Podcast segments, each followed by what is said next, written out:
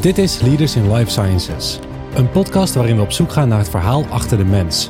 We praten met leiders van nu en later over wat hun drijft, hun carrière en privéleven. Want door naar elkaar te luisteren komen we als individu en als sector verder. We willen onze partners hartelijk bedanken voor hun steun. Dat zijn Health Holland en Dutch Life Sciences Congress. De gast in deze aflevering Eline van Beest en Mark van Moorsel. Uw host is André van der Sande. Welkom bij de 21ste Leaders in Life Sciences podcast vanuit Pivot Park in Os. Ditmaal een bijzondere aflevering in het kader van 15 jaar Venture Challenge en Life Sciences at Work. Deze aflevering komt tot stand in samenwerking met het Dutch Life Sciences Congres en Health Holland, dat meerdere programma's ondersteunt, waaronder het Life Sciences at Work programma. Onderzoekers in de life science sector krijgen hiermee de kans om verder te kijken dan de academie en leren daarmee het ondernemerschap kennen. Daarom is voor vandaag de titel van deze podcast dan ook omgedoopt tot Future Leaders in Life Sciences. Vandaag hebben we twee Future Leaders te gast. Mijn eerste gast van vandaag is geboren op 28 juni 1992 in Uden. Hij behaalde in 2017 zijn master in Science, Business and Innovation aan de VU en behaalde deze maand zijn PhD in Utrecht. Sinds 2019 is hij als COO en medeoprichter betrokken bij Target Biopharmaceuticals, een spin-off van het UMC Utrecht. Hij gaat ons vertellen hoe je van een sterk idee op een gekreukeld papiertje naar een geneesmiddel komt voor de behandeling van microvasculaire trombose en acute ischemische beroerte. Mijn eerste gast is Mark van Moorsel. Welkom Mark. Dankjewel.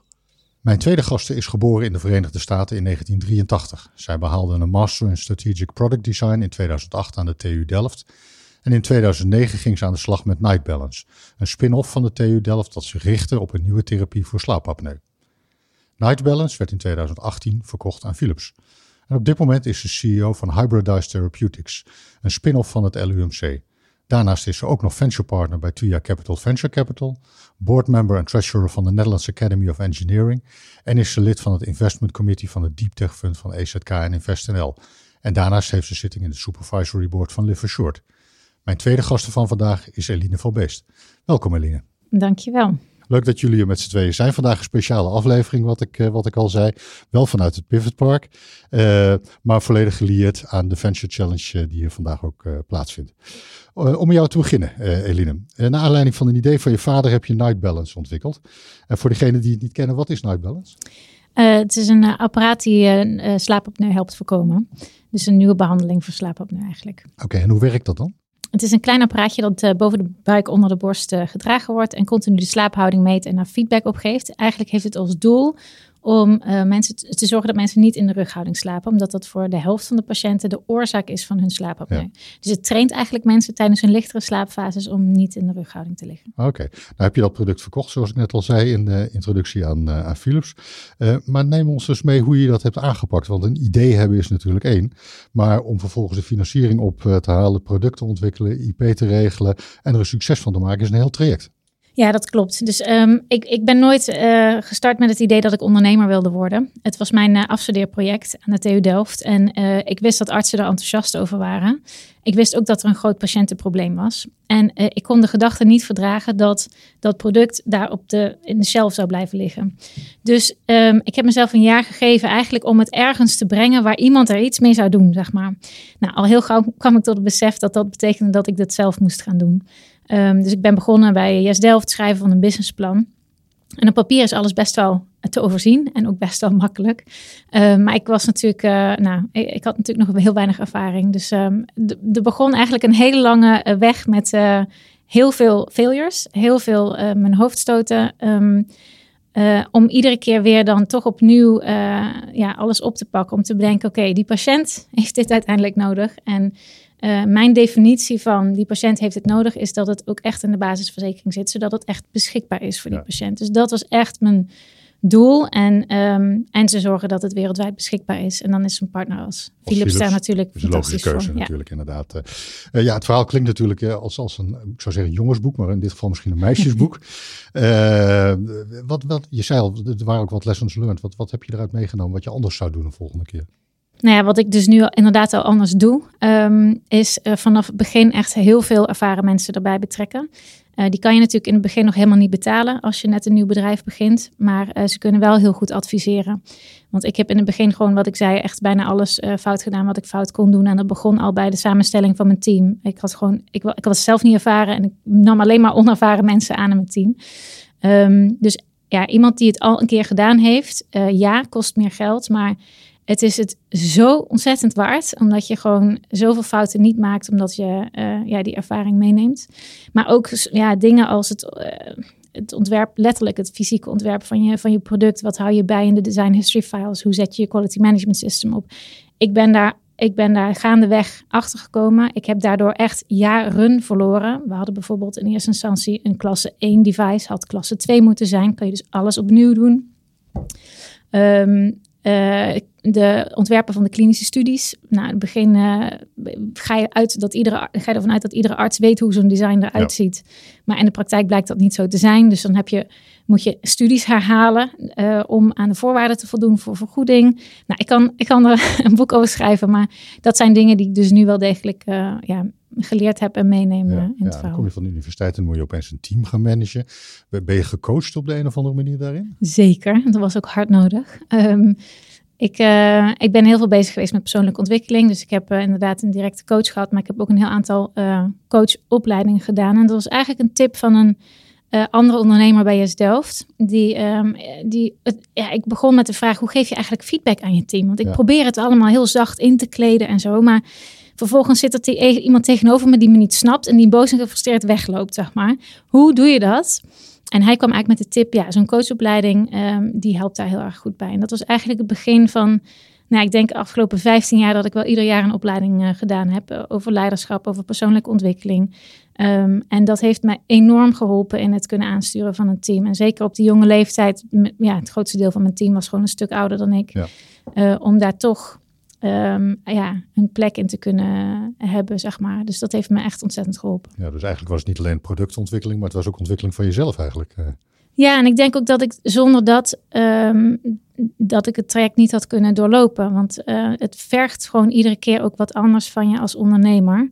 En uh, je moet ook echt eerlijk kunnen zijn. En dat is heel veel van de coaching gaat over een eerlijk beeld van jezelf. Van wat kan ik nou en wat kan ik niet? En waar heb ik nou iemand anders voor nodig? En Um, wat ligt bij mij? Wat, en wat heeft het ander te doen, zeg maar. Dus um, ja, zonder dat had ik het ook niet um, tot het eind uh, aan toe als CEO kunnen volhouden, denk ik. Nee, dus een belangrijk advies voor startende ondernemers zou zijn van schakel vooral ook professionele support in. Mensen die het al een keer eerder gedaan hebben. Ja, zowel inhoudelijk, uh, dus ervaring hebben met het vakgebied waar je inhoudelijk mee bezig bent als het leiderschapstuk. En dat kan iemand zijn die gewoon uh, het leiderschap uh, aan zich uh, hoeft, heeft verder niets te maken met de inhoud van het werk nee, wat je doet. Nee, Oké, okay, goed. Oké, okay, dank je. We komen zo nog even terug op wat je tegenwoordig allemaal doet, want je doet nog een heleboel andere dingen. ga ik even over naar jou, Mark. Mark, jij werkt met Target aan Microlize. waar richten jullie op? Trombose, bloedproppen en het afbreken ervan. Dus het is niet preventief, maar het is echt reactief. Maar dat bestaat toch al? Er bestaat, er bestaat inderdaad een trombolyticum. Uh, sinds uh, eind jaren negentig is het zelfs op de markt. Is inmiddels off-patent. Um, en toch zie je dat dat niet heel effectief is. En dat het ook nog bijwerkingen heeft. Uh, waarbij de bloedpropoplosser, het product, zo goed werkt... dat het uiteindelijk resulteert in een bloeding.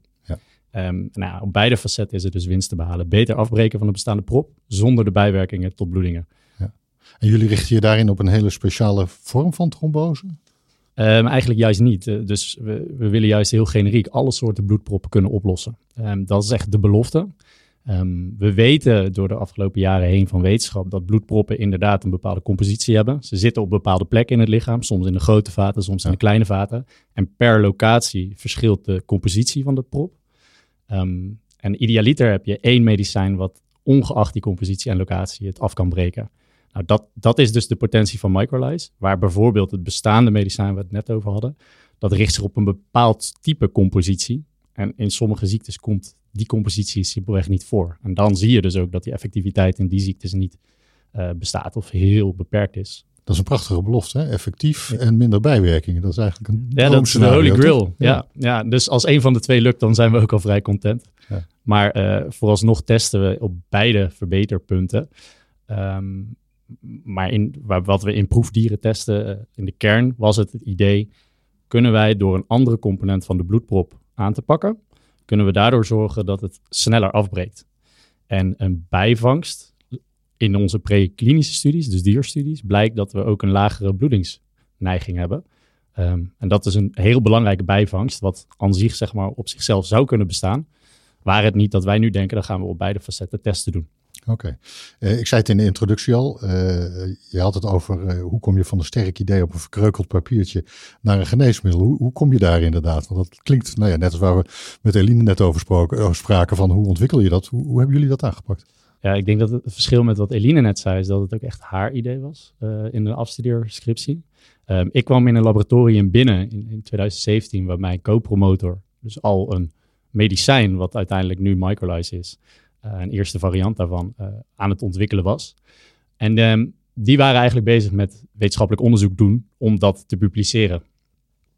Um, schreven destijds een, een patent, 2018. En toen ging het eigenlijk van uh, het advies van onze Tech Transfer Office van het UMC Utrecht was: oké, okay, nu hebben jullie een patent. Nu moeten we de bühne op. Nu moeten we zorgen dat daar ook wat revenues komen op dat patent. Want dat ja. patent is vrij duur en daar moet iets tegenover staan. Nou, dat was dan het begin van de Venture Challenge. En voor ons, dus de Venture Challenge, waarvoor we onder de andere hier zitten vandaag. Ik weet niet ja. of luisteraars daar helemaal van op de hoogte zijn. Um, maar dat was voor het eerst dat wij met dat idee gingen nadenken vanuit een bedrijfsperspectief. Dus niet alleen maar denken aan het artikel wat we wilden schrijven, maar ook aan kunnen we daar een BV op zetten en kunnen we dat zelf gaan vermarkten in de toekomst. Ja. Nou, dus zo begon het voor mij. Ik kwam binnenlopen toen eigenlijk net dat molecuul net gepatenteerd was. Of in ieder geval het patent was geschreven en gefiled. Dat betekent nog niet dat het gepatenteerd is, maar we hebben gefiled. En um, ja, sindsdien ben ik mee gaan doen met een beetje bedrijfsontwikkeling. En ook nog, omdat ik daar toch nog vijf jaar als PhD-student moest zitten, heb ik ook nog wat wetenschappelijke studies okay, meegedaan. Het mes snijdt aan twee kanten, begrijp ja. ik. Uh, Oké. Hoe, hoe, ver zijn jullie dan nu met die, met die ontwikkeling? Je, liet, je had het net over preklinisch. Zitten jullie nog in de preklinische fase? Ja, we zitten nog in de preklinische fase. We hebben vorig jaar 2022 grote investeringsronde opgehaald. En eigenlijk het hele jaar daarvoor, 2021, stond in het teken van dat geld ophalen, die investeringsronde ophalen. En toen we eenmaal die, die ronde, die Series A, uh, closeden, toen, toen begon het traject van oké, we hebben plannen gemaakt. Ga ze nu maar eens ten uitvoer brengen. Ja. Dus als je zegt dat je team moet gaan groeien naar 20 mensen, vind ze maar eens. Het is niet dat je bij het closing al een lijst met 20 kandidaten had, die allemaal zeiden, nou kom maar terug op het moment dat je closed. Ja. En dan komen we wel bij je werken. Dus uh, we zijn eigenlijk het hele vorige jaar bezig geweest met het team uit te breiden van drie naar uiteindelijk 17 uh, mensen. Um, we hebben eigenlijk voor alle studies die we hadden beloofd te gaan doen, nieuwe offertes moeten opvragen. Want die waren inmiddels ook wel een jaar tot twee jaar verouderd. Dat betekent dat je dan uiteindelijk ook weer je hele budget opnieuw kan gaan uh, bepalen. Want uiteraard zijn die studies allemaal duurder geworden. Um, dus dat is het hele jaar 2022 geweest. En we zijn nu dat in uitvoer aan het brengen. Dus we hebben nu echt alle plannen van nu tot en met uh, de, de, klinische fase. Ja. Die uh, uh, hebben we nu op papier en in timeslots geboekt bij allemaal derde partijen. Zodat we daadwerkelijk het plan kunnen uitvoeren. En, en loop je er dan ook wel tegen aan dat je zegt van ja, we hebben een plan. nu moeten we het gaan uitvoeren. En nou zijn we toch een paar dingetjes vergeten. Of dingen gaan toch misschien iets minder snel dan, dan we gedacht hadden? ja, elke dag ongeveer. Kijk, uiteindelijk, Eline zei net, het belangrijkste is ervaren mensen bij het team trekken. Nou, dat kan ik heel erg onderschrijven. Van die kunnen een paar jaar in de toekomst kijken van waar willen we eigenlijk naartoe. En in de afgelopen zoveel jaar dat ik dat al heb gedaan, kostte me het gemiddeld twee, drie of vijf jaar. En als wij dan met een belofte aankomen, wij kunnen het in anderhalf, dan is waarschijnlijk onze inschatting uh, redelijk uh, optimistisch, optimistisch, ja, ja, optimistisch ja. geweest. Uh, en zo boet je jezelf van continu beloftes doen die je niet kan waarmaken. Dus ook ja, na die Series A, het eerste wat we deden was dat plan opnieuw op tafel leggen met het team wat we hadden gegroeid. En gewoon vragen aan hun, is dit reëel? Ja. Uh, zowel financieel, maar ook tijdtechnisch. En dan begin je aan te passen aan je plan. En als je dan eenmaal het plan vervoert, nou ja, dus nu een, een jaar ongeveer dat we het echt in uitwerking aan het brengen zijn, in uitvoering aan het brengen zijn, uh, verandert het bewijs van elke week wel uh, een beetje. En probeer je in die bandbreedte die je hebt geschetst te blijven opereren. Ja. Ja, ik begrijp bij deze uitspraak van je dat je geen uitspraken gaat doen over wanneer het naar fase 2, 3 gaat. Uh. Nee, ik denk dat is ook iets wat ik geleerd heb. Dat zou, dat zou ik in het verleden absoluut gedaan hebben. Ja. Maar ja, dat is zo lullig als je er dan zelf op terug moet komen continu. Dus ja. uh, nee, we, we, hebben een plan en uh, ik geloof dat we dat plan kunnen behalen. Ja. Um, maar we hebben zeker in de afgelopen jaren geleerd om daar toch ook wat, nou ja, met een nieuwe blik wat, wat realistischer naar te kijken. Um, en wat we wel kunnen zeggen is dat wij hopen dat we met dit investeringsronde ook echt de patiëntenstudies kunnen doen. Dus niet alleen de gezonde vrijwilligers, wat, waarmee je start, maar ook echt een patiëntenstudie waarmee je effectiviteit aantoont.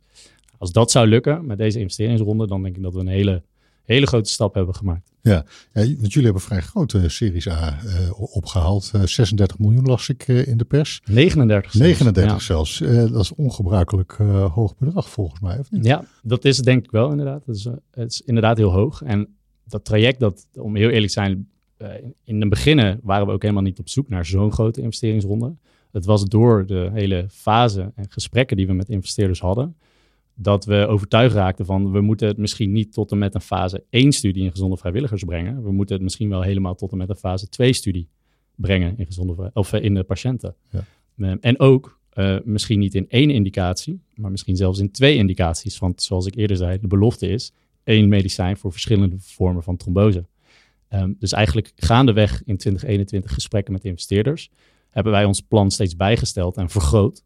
Um, en dat heeft dan geleid tot, tot die grote investeringsronde, waarmee we ja, echt een horizon hebben tot en met uh, vijf jaar vooruit. En dat is, dat is nu heel comfortabel, want dan kun je echt op de inhoud richten en niet nu alweer bezig zijn met fundraising. Ja, dat is een hele mooie uitkomst. Uh, maar dan heb je je PhD nog niet afgerond en dan zit je opeens met acht investeerders om de tafel. Wat dat betekent, daar kom ik zo meteen nog even op terug en hoe je daarmee om bent uh, gegaan met die nieuwe ervaring. Terug naar jou, uh, Eline. inmiddels werk je als CEO bij Hybridize. waar richten jullie op? het beschermen van de nieren. Um, er zijn ja, heel veel nierziektes die nog onbehandeld zijn. En um, eigenlijk het, een groep van het LUMC had een oplossing bedacht voor het BK-virus wat in de nieren zit. Uh, en vooral opkomt bij transplantatiepatiënten. Dus een, ja, 8% van die patiëntengroep die verliest alsnog zijn nier na de transplantatie door dat virus. En ze hadden een prachtig idee bedacht om dat virus te remmen. dus dat hebben we uitgesponnen. Ik ben als CEO erbij gekomen. Dus dit tweede idee was niet van mij. ik ben als CEO erbij gekomen um, nou ja, een half jaar nadat ze het bedacht hadden, of dat, dat de lead scientist eigenlijk zijn baan had opgezegd, um, ben ik inderdaad in onderhandeling gegaan met het uh, eh, LUMC om de, het IP eruit te krijgen en het bedrijf inderdaad echt te starten. Um, en inmiddels is onze missie uh, vergroot naar echt beschermen van de nieren met uh, ja, nieuwe RNA-technologieën. Ja, en in welke fase zijn jullie daarmee? Nou, het eerste programma wat ik net noemde, um, dus we zijn drie jaar geleden gestart. Dus het eerste um, programma wat ik net noemde, hebben we uitgelicenseerd aan een Duitse uh, farmaceut, Icurus. Um, en we zijn dus nu al anderhalf jaar met hun eigenlijk uh, dat aan het ontwikkelen. Of wij doen al het ontwikkelingswerk voor hun en dragen het aan hun over zodra het fase 1 ingaat. We gaan eind dit jaar de CTA submission doen. Dus company goal voor ons en voor hun. Uh, ik verwacht dat we dat gaan halen. Dat betekent, zou betekenen dat we Q1 uh, uh, onze fase 1 kunnen starten. Even voor de luisteraars, CTA, want ik denk dat niet iedereen... Ja, sorry, indiening inderdaad. Uh, dat je je medicijn in principe indient voor de start van je fase 1. En dan mag je drie maanden daarna, mits er geen uh, rode vlaggetjes gehezen worden, zeg maar, mag je starten met je klinisch onderzoek. Ja. het was voor jou best een opmerkelijke transfer, hè? want je gaat eigenlijk van medtech naar biotech. hoe heb je dat ervaren? Um, nou, ik, dat was ik absoluut niet van plan. Um, uh, ik werd op een, uh, een zaterdagavond volgens mij gebeld in december door Dinko Valerio uit het niets. Hij nam op, ik ben Dinko Valerio, ik denk niet dat jij weet wie ik ben. Ik dacht, ik, ik weet wel, wel, zeker wie hij bent. Iedereen weet wie die is. Um, maar ik wil een keer met jou praten. En ik dacht, Oké, okay, um, dat is goed. Um, dus ik heb heel lang en uitgebreid met hem gesproken een paar weken later. Ik wist niet waarover. Aan het eind van het gesprek vroeg hij of ik niet uh, CEO van een nieuwe spin-off wilde zijn. En uh, die, zat, die was in de biotech. En toen heb ik gezegd, nee, sorry, dat, dat kan ik niet. Want ik ben een engineer en ik weet niets van, de, van biotech af. Um, en vier maanden eh, heb ik dat volgehouden. um, maar om nee te zeggen bedoel je? Om nee te ja? zeggen, ja. Um, en uh, nou, het, het, was een interessant traject, want uh, Dinko die zei op een gegeven moment, uh, kom, hij heeft me echt wel overtuigd inhoudelijk, hè, het bouwen van een team, een goed plan, het verhaal naar investeerders toe, zorgen dat je milestones haalt als team, um, werken met technische mensen. Dat is allemaal hetzelfde of je nou medtech of biotech bouwt. Ook het traject in de klinische onderzoeken. Ik bedoel, ik heb 80.000 nachten in klinisch onderzoek gedaan met mijn vorige bedrijf. Dat kan ik echt wel meenemen. Ook het hele vergoedingstraject, het werken met artsen, dat is allemaal hetzelfde. Alleen de technologie is natuurlijk heel anders. En ook het ontwikkelpad van een medicijn versus een medical device is heel anders. Uh, maar hij zei, daar, daar kan je gewoon goede mensen voor aan, uh, aantrekken. Dus de basis, zeg maar, dat, dat kan jij. Dus ehm, daar had hij me redelijk van overtuigd. Maar ik dacht nog steeds, ja, die inhoud, dat is zo ver van mijn bed. En mhm. toen zei hij zo, dus het is je eigen angst die jou niet tegenhoudt. En toen dacht ik, dat kan niet, dat kan, dat kan niet zo zijn. Dus toen heb ik uiteindelijk uh, ja gezegd. En ook echt wel tegen zijn mentorschap, zeg maar. Dus het feit dat hij uh, mij zou mentoren en um, ja, naar een nieuw niveau zou kunnen brengen. Want ik had nog niet eerder samengewerkt met mensen die dat kaliber hebben. En dat inspireerde me wel, waar ik echt voelde van ja, ik kan wel echt heel veel gaan leren van jou. En dat, uh, dat vond ik wel een, uh, ja, dat inspireerde mij wel echt. Ja. ja. Het mooie verschil met Night Balance was natuurlijk dat je inmiddels zelf had laten zien dat je het kon. Ja. En met Night Balance was alles nieuw en was je heel erg afhankelijk van andere mensen om je heen. En hier in zekere zin uh, ook, maar dan eigenlijk meer op de technisch inhoudelijke expertise misschien. Maar jij wordt natuurlijk gevraagd voor zo'n rol omdat je bewezen hebt dat je het kunt. Ja, en dan, uh, en dan vind ik mezelf toch weer in dezelfde situatie waarbij ik uh, dingen aan doen ben die ik niet eerder gedaan heb. Hè? En um, uh, wat ik heel erg geleerd heb, is de juiste mensen daar op tijd bij betrekken. Dus op dit moment nog steeds, um, ja, daarmee wordt mijn zwakte misschien wel mijn sterkte, zeg maar. Ik heb geen inhoudelijke kennis over de science en ik kan niet inhoudelijk beoordelen als de scientists met een nieuw plan komen, of dat een goed plan is, ja of nee. Wat ik wel heel goed kan, is de, de wereldwijde experts op dat vlak vinden en hun enthousiasmeren om mee te kijken en hun daar feedback op laten geven. Waardoor opeens in plaats van mijn, hè, stel ik zou wel scientific background kennis hebben en ik zou denken dat ik het wel zelf kan beoordelen, uh, zouden we veel meer op dat niveau spelen. En spelen we nu echt, maakt niet uit met welk plan we komen, meteen op een wereldniveau, omdat ik de kennis niet heb, maar ik de kennis wel organiseer. Ja.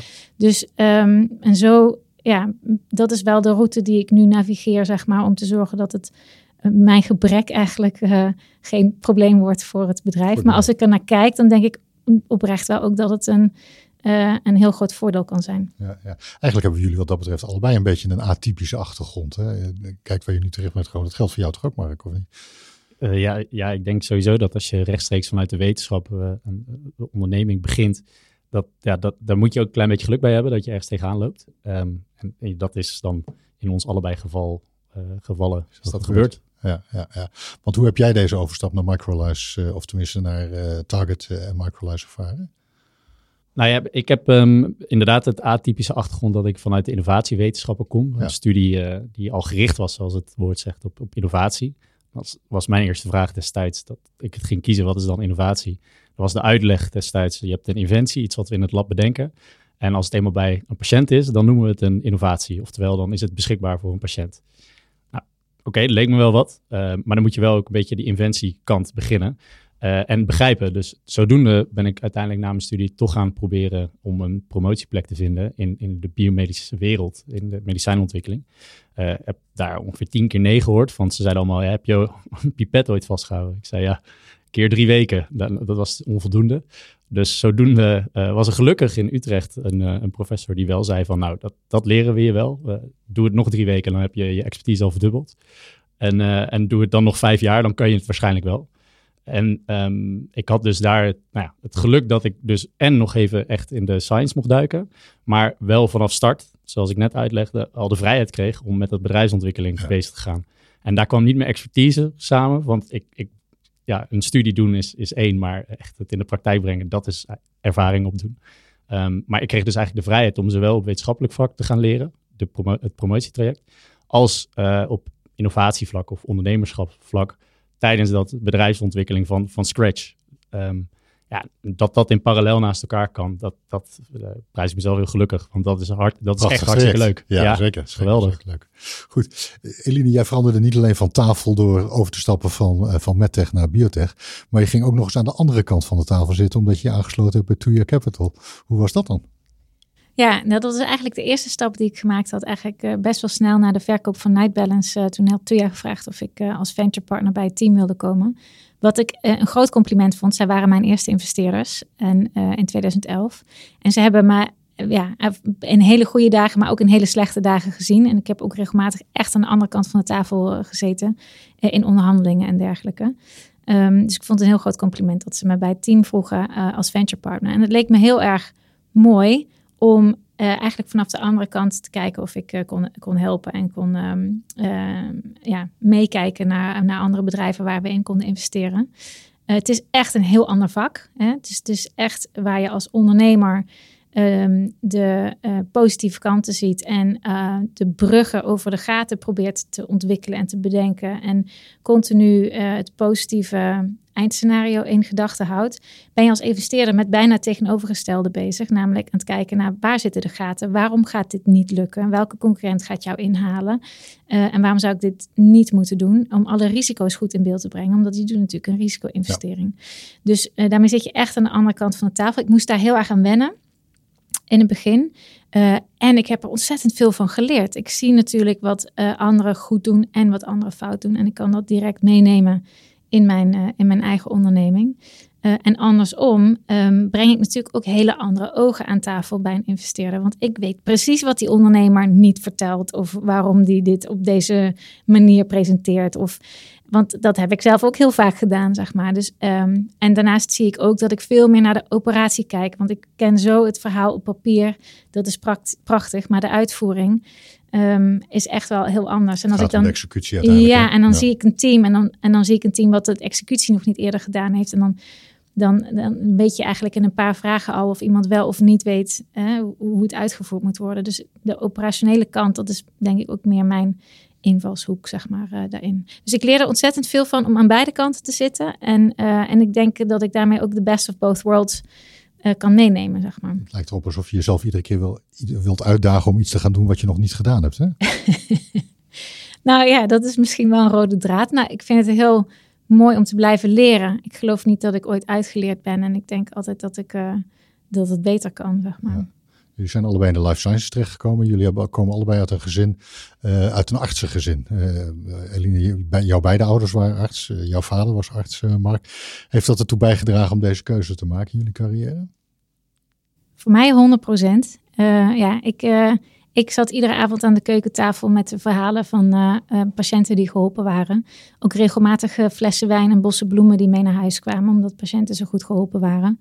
Ik had ook altijd diep respect voor mijn ouders, omdat ik me ook heel erg besefte dat ze, en dat leek me zo moeilijk, dat ze iedere dag met zieke, confrontatie hadden met zieke mensen die uh, pijn hadden, die, die niet blij waren, zeg maar. En dat leek me echt heel erg moeilijk. En om die reden heb ik ook niet gekozen om dat vak te gaan beoefenen, omdat ik voelde, ja, ik, ik, ik heb meer positiviteit om, om me heen nodig. Um, maar daarom richting mijn afstuderen wel echt een heel mooi idee vond dat ik een product kon ontwikkelen die die patiënten kon helpen. Dus mijn afstuderen is echt in de richting van medische uh, medical product design geweest. En dat concept dat je dus één keer iets kan ontwikkelen wat je dan vervolgens voor een hele doelgroep kunt inzetten en heel veel mensen kunt helpen. Ja, dat is fantastisch. En dat komt dan ook heel dicht bij die purpose en wat ik vanuit huis heb meegekregen. Dat heeft je gedreven. Ja, absoluut. Ja, ja. Hoe was dat bij jou, eh, Mark? Ja, dat is eigenlijk wel grappig. Mijn, bij mij kwam pas het realiseren dat je met een medicijn een grotere groep kan uh, helpen. kwam pas later. Dus ik wilde juist tijdens mijn studie eigenlijk geneeskunde doen. Um, zworen trouwens vroeger altijd af, want ik zag mijn vader weinig aan het uh, avondeten zitten. Of wel aan het avondeten, maar daarna weer achter zijn computer. Dus ik zei, nou, dat, dat hoeft voor mij niet. Maar um, toen ik eenmaal uh, middelbare school, wat zijn dan je interesses? Biologie, oké, okay, wat scheikunde. Uh, nou, dan kom je al redelijk snel uh, in die medische hoek. En dan vond ik dan de psychologische kant van het beter maken van patiënten, leek me juist wel heel gaaf. Dus geneeskunde, loten. Nou, loten, dat, dat blijkt niet mijn sterkste kant te zijn, voor zover Zat dat niet mee, geloof ik. Nee, nee ik, heb, ik heb in totaal zeven keer een bericht gehad dat ik niet was geplaatst, dan wel ingelood. Uh, dus ik herkende die brief op een gegeven moment al en ik wist aan de dikte van de brief, oké. Okay, wat de uitslag was. Wat de uitslag was. Want er zat namelijk ofwel een extra brief bij uh, met wat uitleg waarom niet. Of, uh, of het was gewoon een goed... nou trouwens, ik weet niet eens wat er in die brief zat met dat het wel gelukt was. In ieder geval um, toen dat innovatiewetenschap gaan doen. En toen ik daar eenmaal wel steeds mee bleef loten met geneeskunde, ofwel om gewoon de overstap alsnog te maken of een zij-instroomtraject, zo'n versnelde procedure toen merkte ik dat mijn ambitie om echt geneeskunde te doen uh, steeds wel wat afnam. Omdat ik het stiekem best leuk vond om bezig te zijn met medicijnontwikkeling. En dat komt dan meer vanuit die gedachte wat Eline beschrijft. Van dat je met een medicijn misschien nog wel een veel grotere groep kan helpen. Dus toen ik mijn laatste keer uh, te horen kreeg, dit wordt hem niet. Toen zat ik inmiddels in mijn laatste jaar van mijn master. Toen dacht ik, oké, dan, dan, mag het, dan is het ook zo. En dan gaan we nu door met, met die medicijnkant. Um, en ja, en dat, dat is wat we nu aan het doen zijn. En wat ik dus ja. achteraf ben ik heel blij dat ik ben uitgeloot. Want anders was dit weer niet op mijn pad gekomen. Ja. ja. Ehm, ik hoor het jou al zeggen, druk bestaan. Hè? Vader die dan s'avonds ook weer achter de computer zit. Jullie hebben zelf een, een even druk bestaan volgens mij, als ik hoor wat jullie allemaal doen. En wat jullie allemaal uh, oppakken. Uh, hoe combineer je het moederschap en het uh, vaderschap met dit soort drukke activiteiten? Want Eline, jij bent in verwachting van je derde kind. Mark, jij bent, je wordt vader voor de eerste keer over een half jaar. Hoe, hoe, hoe, pak jij dat aan en hoe ga jij het aanpakken in de toekomst? Eerst, eerst, even naar jou, Eline. Ja, uh, het is een hele terechte vraag, want het is heel veel werk wat, uh, wat bovenop uh, je ondernemerschap komt. Um, maar ik denk wel dat je als ondernemer ehm, helemaal voorbereid bent op, op de challenges die je moederschap of vaderschap met je meebrengt. Want je moet gewoon continu jiggelen met je tijd en resources om te zorgen dat het allemaal rondkomt. Ik heb zelf uh, heel veel geluk gehad. Ik heb um, bij de geboorte van mijn eerste, dat is dus nu al bijna negen jaar geleden, um, uh, een, hele goede dame gevonden die, die bij mij in huis uh, alles regelt. Dus ze haalt de kinderen van school, ze brengt ze naar de sportlessen, ze doet de was, ze kookt. Um, en dus als ik thuis kom, wat ik wel echt probeer te doen, eh, om ik probeer echt wel om zes uur thuis te zijn, um, dan uh, kan ik eten met de kinderen en dan heb ik een hele fijne tijd met de kinderen. Ik kan ze naar bed brengen en ik hoef dus niet bezig te zijn met al die andere huishoudelijke taken. Dus ik voel me ook echt een goede moeder. Ik voel ook echt dat ik ruimte en tijd heb voor mijn kinderen. Um, en uh, ja, dat komt echt omdat zij nu al ja, uh, ja, ruim acht jaar die rol in ons, uh, in ons leven speelt, zeg ja. maar. Dus, en ik denk ook dat, dat ik zonder haar, dat ik dit niet had gekund. Ze is echt mijn steun en toeverlaten. Ook als ik een weekend weg moet en, en mijn man moet ook de deur uit, zeg maar. Dan, dan blijft zij gewoon slapen, dan is ze er. Dus ja. dat geeft ons echt heel veel ruimte. Ja, regel het goed dus. Is ja, echt absoluut. want het is... Want het is echt, het, er wordt als ondernemer, ja, het is zoveel als je erin steekt, maar als je het dan succesvol wil maken, dan is het gewoon echt een heel groot deel van je leven. En, uh, en, en, dat zijn je kinderen natuurlijk al helemaal. Dus ja. um, daar, daar, wil je eigenlijk geen compromis op sluiten. Ik in ieder geval niet.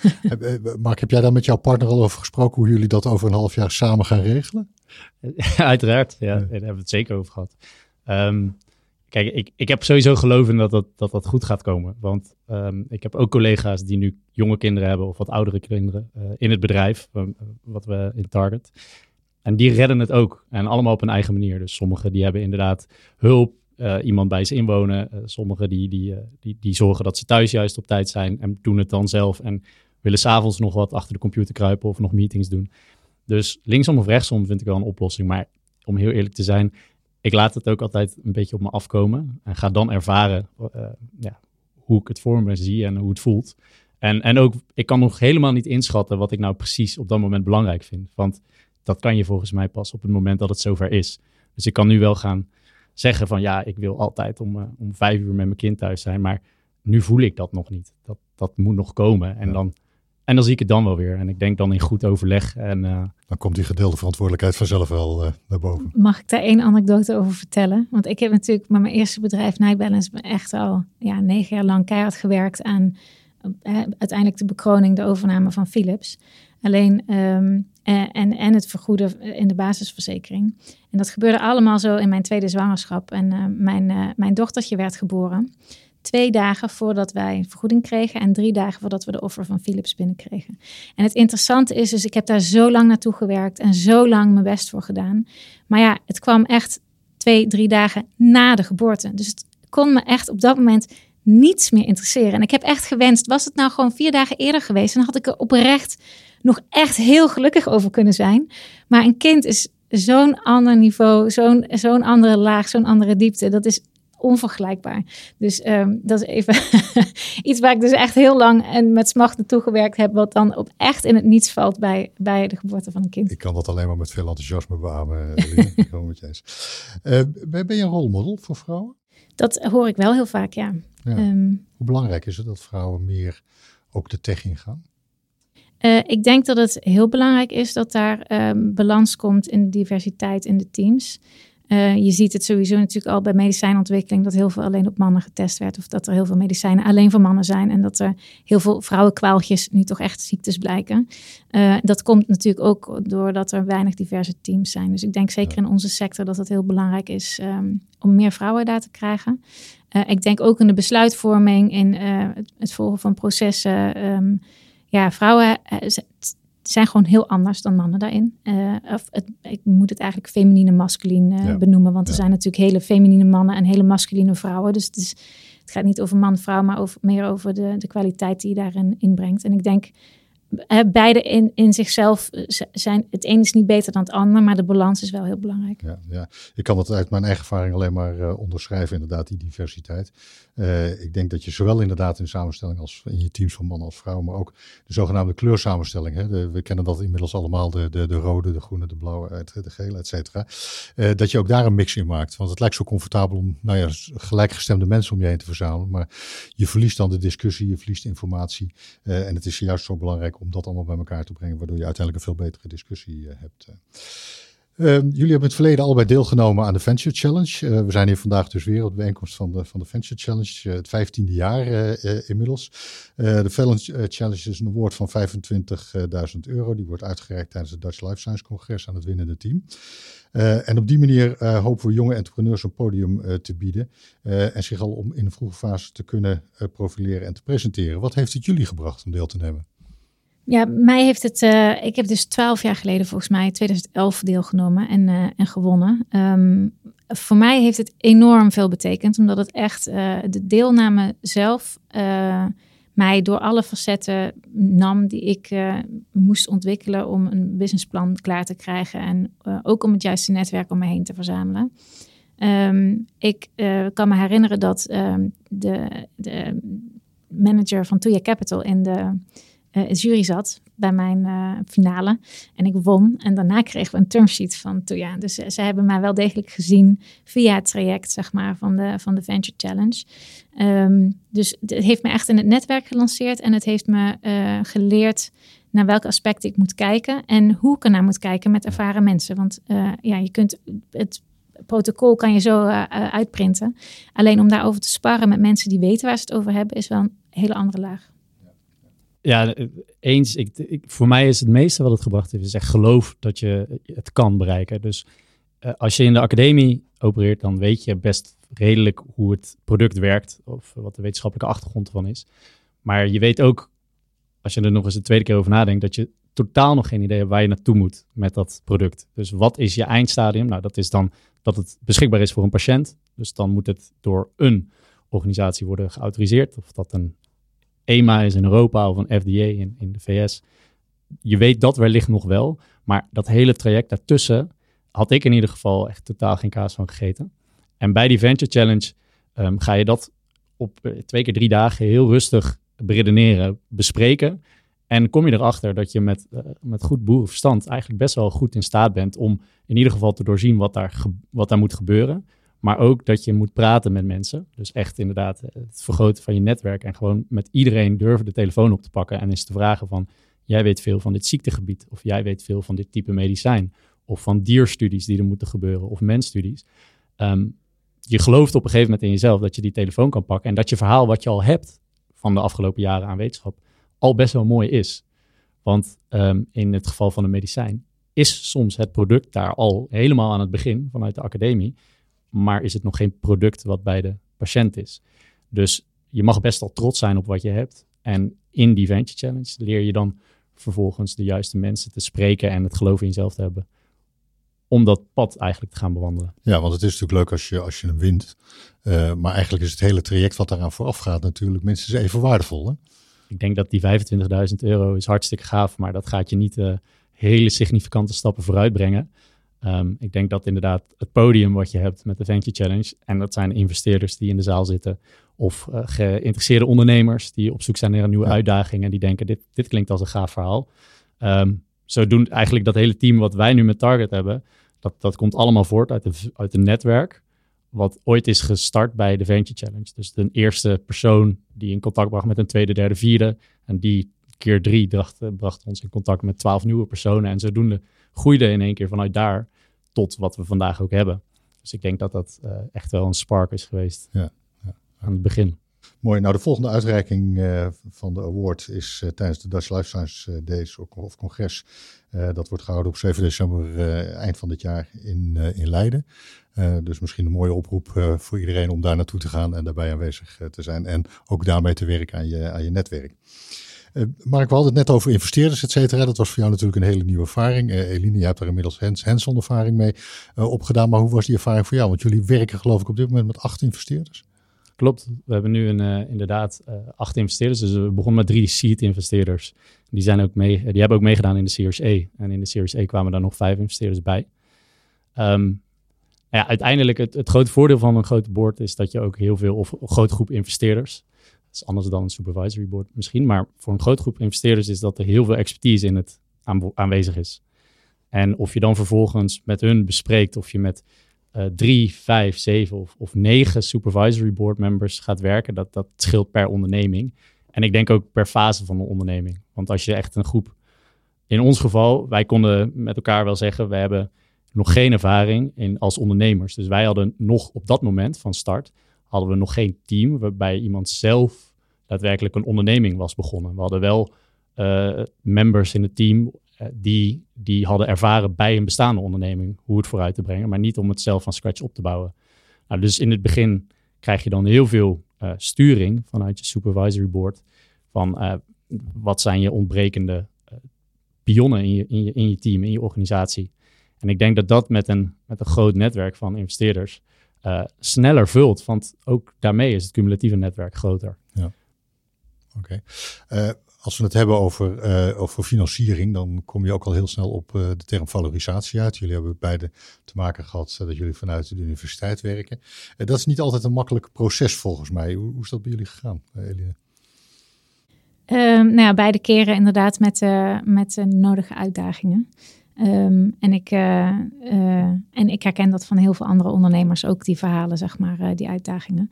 Um, ja, ik heb, ik heb me daar ook een beetje in verdiept. er, is, er is een technische kant aan in Nederland en er is een um, die culturele kant aan in Nederland, die, we, die we daarin eigenlijk, die ik ben gaan herkennen als, als de belangrijkste issues. Maar het is wel, het is wel een Nederlandse dynamiek dat het best wel een uitdaging is om, uh, om je innovatie uit te spinnen. Ja, het is lastiger dan in sommige andere landen, zeker in vergelijking met Amerika bijvoorbeeld. Ja, klopt. Ja, ja.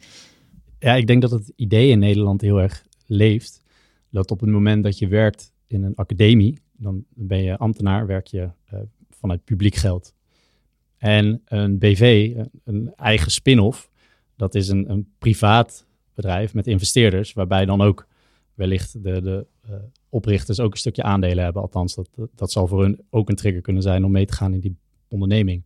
En volgens mij leeft het idee dat je dan vanuit publiek geld, dat je dan iemand privaat er beter van wordt. En uh, daarom zijn er bij heel veel universiteiten, en ik weet ook dat het per universiteit in Nederland verschilt, word je vaak gekapt als academicus die inderdaad ook in een BV opereert en iets probeert in een BV vooruit te brengen. En, ehm, en, en dat is, dat is uh, ik, ik begrijp de discussie, maar het is wel jammer dat dat uh, sowieso houdt dat bepaalde innovaties tegen. Ja. Ik bedoel, dat is bijna inherent aan elkaar, want op het moment dat er ergens een, een limiet wordt gesteld van buitenaf, van zoveel mag je werken in een BV of aandelen houden in een BV, terwijl je ondernemer bent, uh, sorry, terwijl je academicus bent, dan zullen er mensen zijn die zeggen, nou dan laat maar zitten, dan keer ik wel terug naar de academie. En dat, dat, is, dat is ieders goed recht. Alleen dan mee, daarmee weet je dat je wel bepaalde goede ideeën niet de kans geeft om te ontwikkelen. Ja, ja, het is grappig dat dit onderwerp is in bijna elke podcast uh, komt dit terug. We eigenlijk iedere keer met z'n allen constateren dat de samenwerking tussen de universiteit en het bedrijfsleven in Nederland nog niet, uh, nog niet optimaal is. Wat, je had het over een cultureel aspect. Waar, waar zit hem dat? Ja, dus, dus ja, er zijn dus eh, misschien even ook aan de technische kant is inderdaad de, de issues die net genoemd werden, dat we bepaalde wet en regelgeving hebben in Nederland, waardoor je dus bepaal, ja, die kunt niet zelf uitspinnen. In de Verenigde Staten zie je dat dat wel kan, ja. maar dan mag je ook je onderzoek op dat onderwerp niet voortzetten. Dan krijg je pipelining, noemen ze dat, dat je gewoon je eigen pipeline ontwikkelt voor je eigen BV uh, eh, van publiek geld. Dat mag niet, maar je mag wel uh, ondernemen. En een beetje professor in de Verenigde Staten heeft een aantal ondernemingen daarnaast, zeg maar. Uh, dat is in Nederland niet zo vanwege die regels. Daarnaast is het zo dat de Nederlandse universiteiten veel minder geld beschikbaar hebben. Dus typisch zie je dat een innovatie veel minder ver is als het moet gaan uitspinnen. Dus zodra dat patent er is, moet het er al uit. En in Amerika heb je dus als onderzoeker veel langer de tijd om het uh, meer waarde te creëren. En als je dan uitspint, dan is, het, dan is die gap, zeg maar, die we nu ervaren naar investeerders toe, die, die is veel kleiner. Dus nu hoor je heel vaak van investeerders twee dingen. Het is nog te vroeg of de kwaliteit is nog niet goed genoeg. En aan de kwaliteitskant ligt het niet aan de technologie, want we hebben prachtige technologieën, daar krijgen we goede opleidingen voor, super goede scientists. Uh, we zijn top drie patenten ja. uh, in, in Europa. Maar het ligt wel aan het feit dat niemand in Nederland, zowel in de medical device space als in de biotech space, wordt opgeleid in hoe gaat het ontwikkeltraject naar de markt. Want daar zitten gewoon regels aan, daar zitten ISO-normen aan, daar zitten eisen aan. Je moet kwaliteitsmanagementsystemen bijhouden, je moet dossiers bijhouden. Uh, alles uiteindelijk om iets uh, goed op de markt te kunnen commercialiseren. Dus als je als onderzoeker geen weet hiervan hebt, één, dan is de drempel heel veel hoger om te starten, om daar uiteindelijk uh, mee te beginnen. Um, en twee, als je eraan begint, uh, dan weet je niet wat je aan het doen bent. En dat herkent een investeerder meteen. Dus die zal meteen zeggen, ja, dat is te vroeg, want dit team weet nog niet wat hij wat aan het doen is. Dus, um, dus dat is aan de technische kant. Dan heb je de culturele kant. En uh, we, zijn in Nederland supergoed geworden in samenwerken. Hè, door de dijken uh, die we samen te bouwen hebben. En daarmee is het dus ook belangrijk in dat samen om niet uh, te veel of te weinig te zijn, zeg maar. Dus je moet niet je kop boven het maaiveld uitsteken. Je moet niet excelleren in je eentje. Maar je mag ook niet falen. Je mag ook niet, mag ook niet failliet gaan, zeg maar. Want we moeten allemaal een beetje in de middenmoot blijven. En die culturele sensor, die hebben wij. Dus je, je voelt gewoon letterlijk, en dat voel ik ook, schaamte. Weet je wel, als je failliet gaat, dat is niet de bedoeling. Maar ook niet... Als je heel succesvol bent, ook niet. Nee, nee precies. Ook niet als je heel succesvol bent. En dat, uh, ja, dat is een, een stuk cultuur die natuurlijk ook meekomt bij het... Weet je wat, ik heb hier een gave innovatie, die ga ik naar de markt brengen. Dat is per definitie al een beweging waarbij je je kop boven het maaiveld ja. uitsteekt. En je in die zin eh, voor je cultuur heel kwetsbaar gaat opstellen, zeg maar. Dus, en dat stuk uh, speelt ook mee. En als laatste, cultureel, maar dat begrijp ik, is, is in meerdere landen het geval.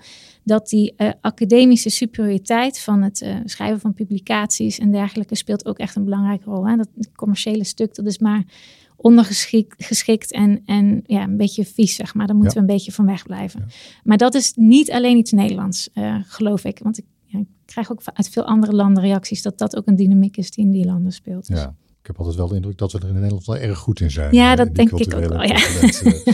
uh, Oké, okay, goed. Uh, jullie zijn allebei gedreven sporters. Je viel me op uh, in het vorige gesprek. Uh, Eline, je woont aan de kust en je bent een fanatiek uh, kitesurfer. Je skiet, je, je loopt hard. jij bent een zeer fanatiek voetballer. On, ondanks dat je het een beetje aan het afbouwen bent sinds recent. Zegt dat ook iets over de drive en die passie die je hebt voor andere dingen? Als je fanatiek in het sporten bent? Nou, ik voel het. Ik voel wel dat ik in de sport ook ik voel, ja, ik weet niet of, of jij dat ook, uh, ik ben ook benieuwd naar jou daarin, maar het, uh, ik voel van binnen een bepaalde kracht. En uh, het is heel lekker om die te kunnen uiten in, in een bedrijf of in het bouwen van iets. Maar het is ook heel lekker om die gewoon fysiek te kunnen uiten. Um, en dat is of voor mij inderdaad een duursport, dat je iets heel lang kan volhouden. Dus vind het echt heel lekker om lang te lopen, hard te lopen. Uh, of uh, ja, meer explosieve sporten zoals kiten, waarbij je echt ja, volle kracht op je lijf hebt om, om die golven en die, wind te trotseren, zeg maar.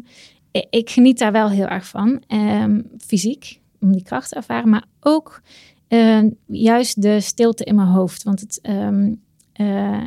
in, in beide routes vind ik eigenlijk uh, ruimte in mijn hoofd, zeg maar. Hè? Want ik ben zo met mijn lijf bezig dat ik even afdaal uit mijn ja. hoofd. Want waar alles continu de hele dag gebeurt, dat is dan heel even uitgeschakeld. Met kiten kan je, je kunt niet ergens aan denken, want dan gaat het meteen mis.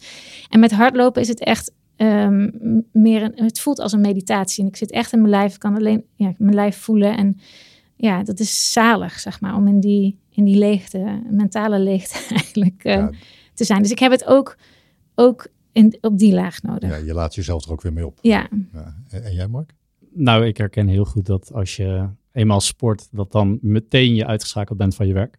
Terwijl als je op een, uh, ergens thuis of op een, op een uh, soort van uh, remote aan het werken bent en je klapt je laptop dicht, dan zit, je, zit ik tenminste nog echt ruim daarna te malen van waarom heb ik dat zo gemaild of zo gebeld of gecommuniceerd. Terwijl uh, zet me op een fiets of uh, bind mijn hardloopschoenen onder en ik uh, ben daar helemaal niet meer mee bezig. En het gevoel achteraf is alleen maar het voldane gevoel van we hebben lekker gesport. Dus het is voor mij echt een ontsnapping vanuit, vanuit, vanuit mijn werk. Ehm, die heel nodig is, want ik denk dat je anders maar blijft malen. Ik kan bijvoorbeeld ook niet, echt niet goed slapen als je... Je hebt van die dagen dat het doorloopt en dat je een keer echt je laptop dichtklapt en dan heel erg je ogen aan het dichtknijpen bent in de hoop dat je gaat slapen. Lukt niet. Tenminste, bij mij lukt dat nooit. Ik moet dan altijd wel even een half uur ergens anders mee bezig zijn. Dus wil dan een rondje wandelen of toch nog even gaan sporten. Even omschakelen. Even omschakelen. Um, en ik denk het, um, uh, het nou ja, in het verleden dan echt de drie, vier, vijf keer per week sporten. Het was ook een stukje uh, het, organisatie ervan. Dus dat je wist, ik, ik heb iets te doen met, met mijn studie of mijn werk uh, of met een bedrijf opbouwen. Maar ik moet, want anders word ik echt ongelukkig intrinsiek. Ik moet ook nog zorgen dat ik deze week aan drie, vier keer sporten toekomt. En dat combineren, dat is dan iets, denk ik, wat ja, je, moet het alleen doen als je het voelt van binnenuit. Ik bedoel, ik zal niemand verplichten om dat te doen. Maar um, voor mij werkt dat heel goed. Dat ik dacht, oké, ik, ik word pas echt rustig als ik om tien uur klaar ben. Als ik dan nog ga sporten en dan pas accepteer dat ik rust heb. En als dat zo werkt, dan is het ook niet echt een, ja, een, een moeilijke keuze om te geen opgave dan. Dan is het geen opgave, dan, dan doe je het vanzelf. Ja, oké. Nou, dat zijn goede adviezen. Uh, voor jullie allebei. Uh, we komen aan het eind van deze podcast. Uh, time flies, zoals altijd. eigenlijk en zeker met twee gasten, zoals, zoals vandaag. hebben jullie nog een slotboodschap voor de luisteraars? Hebben jullie nog iets wat jullie mee zouden willen geven of ter overweging mee zouden willen geven? Wie neemt het voortouw? Nee, ik, ik hoorde net al even voordat we het over sporten hadden, over het patenteren van, van een idee. En um, de ruimte die je dan krijgt om dat door te ontwikkelen. En ik, Um, daar zit voor mij denk ik de grootste winst in, in, in, in Nederland qua systeemonderzoek. Um, dus academie naar iets vermarkten.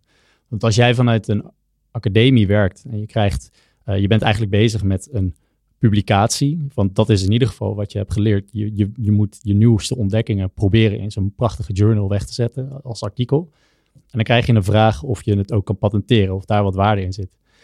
En op het moment dat je dat doet en je gaat patenteren, dan, heb je op dat, dan kan je daarna gaan publiceren. Want dan heb je zeg maar je intellectueel eigendom beschermd en dan kan je het naar buiten brengen. Maar dan gaat er ook een tijdsklok lopen. En zoals Elina al zei, in Nederland is er dan niet het geld, of in ieder geval niet de ambitie vaak vanuit universiteiten, om dan het vervolgtraject van dat patent te financieren. Dus die zullen heel snel naar je toe gaan van oké, je hebt iets gepatenteerd, maar nu gaan de kosten lopen en nu moeten we dus ook een partij vinden die die kosten wil gaan dragen. Terwijl jij als wetenschapper denkt, ik heb net iets gepatenteerd, een artikel geschreven erover, moet ik nu binnen nu en een jaar in één keer uh, tienduizenden euro's aan patentkosten gaan dragen? Hoe dan? Ik weet nog niet eens hoe ik een BV opricht mm -hmm. uh, of, en, en wat daarbij komt kijken. En als je die klok eenmaal tikt, ja, dan, dan wordt het echt heel lastig om in die korte tijd een goed plan uh, naar buiten te brengen waarmee je investeerders gaat overtuigen dat jij dat ook echt wil en het juiste team hebt gevonden en ook een paar keer een plan hebt afgeschoten gezien voordat je met het juiste plan kwam. Dus ik zou uh, willen meegeven aan, aan, als het over valorisatie gaat, van bedenk goed dat op het moment dat je patenteert dat er kosten komen en dat er een tijdsklok gaat lopen, bespreek dat als wetenschapper ook met de universiteit van joh, ik wil wel patenteren, maar wat is dan het vervolgtraject? Wanneer moet ik dan vervolgens het in een BV gaan brengen? En eventueel ook, als je een heel mooi plan of een inventie hebt gedaan, um, maak een goede balans tussen, of, of geef het een, een, tweede gedachte wanneer je het publiceert en patenteert. En of je al mensen vindt die die inventie verder willen brengen.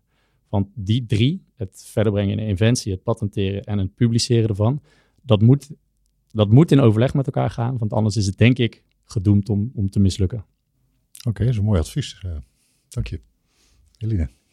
Uh, ja, nou, ik denk dat we heel veel mooie thema's hebben besproken. Hè? Dus uh, valorisatie, dat is uh, wat je net noemt, maar ook de diversiteit in teams, ook ouderschap binnen het ondernemerschap. Ik probeer, ik loop natuurlijk, het maken van fouten is nog eentje, zeg maar. Um, ik probeer zelf altijd als ik ergens tegen de lamp loop of ergens een, een uitdaging tegenkom, om dat uh, te voicen, ja, om, daar, om dat kenbaar te maken, om het bespreekbaar te maken. Um, dat doe ik niet voor mezelf, maar ja, uiteindelijk natuurlijk ook voor mezelf. Maar vaak, vaak, zijn dingen waar ik zelf al tegen aangelopen ben. Maar mijn, mijn, hè, wat ik zou willen meegeven voor de oproep die ik zou willen doen als je ergens tegenaan loopt, benoem het. Want dat is de enige manier dat we als maatschappij die dingen kunnen gaan aanpakken en kunnen gaan veranderen. Um, hè, dus ik benoem heel veel dingen over moederschap en ondernemerschap. Of over valorisatie, wat er niet goed gaat. Of over fouten die ik gemaakt heb. En als we dat allemaal doen, dan helpen we elkaar echt. Um, want dan, dan hoor je gewoon van meerdere kanten dezelfde verhalen terug. En dan komen de oplossingen er. Dus um, dat zou mijn oproep echt zijn. Het is ook spannend om te doen. Want je, ja, je maakt jezelf ook kwetsbaar. Je laat ook zien waar het niet werkt of waar het niet loopt. Um, maar het is wel de enige route om naar de dingen te kijken die niet lopen. En dingen te kunnen verbeteren als maatschappij. Als, uh, uh, zeker in de life science. Dus ja, voice it. Ja, er is, er is ook steeds meer aandacht voor eh, de laatste tijd. Ik hoorde laatst over een fuck-up night in uh, Nijmegen. Waarin uh, nou ja, dingen die fout gaan met elkaar gedeeld werden. je hebt zelf meegedaan aan Op je Bek. een programma met BNR. Waarin je ook daarover gesproken hebt. En ik denk dat dat heel goed is. Want van, van elkaars fouten kunnen we juist leren. En dat is niet iets wat je weg moet stoppen. Uh, heel hartelijk dank dat jullie mee wilden werken aan deze podcast. Het was erg leuk om jullie uh, als gast te hebben. Ik wil het woordje future er even aflaten, want de titel was Future Leaders of Life Sciences. Maar ik heb het gevoel dat ik hier met uh, twee leaders in Life Sciences gesproken heb. bedankt voor jullie komst en heel veel succes met alles wat jullie nog gaan ondernemen. Dankjewel. Jij bedankt. Dit was Leaders in Life Sciences. Dank voor het luisteren. Vond je iets van deze aflevering? We horen graag jouw feedback. Wat houdt bijvoorbeeld jou bezig en over wie wil je meer horen? Laat het weten via een Apple of Google review. Of stuur een berichtje via social media of natuurlijk gewoon per mail. Onze waardering is groot. Tot slot nog dank aan onze partners. Dat zijn Pivot Park, Janssen, Patterson Partners Executive Search en Scribes Fiscalisten.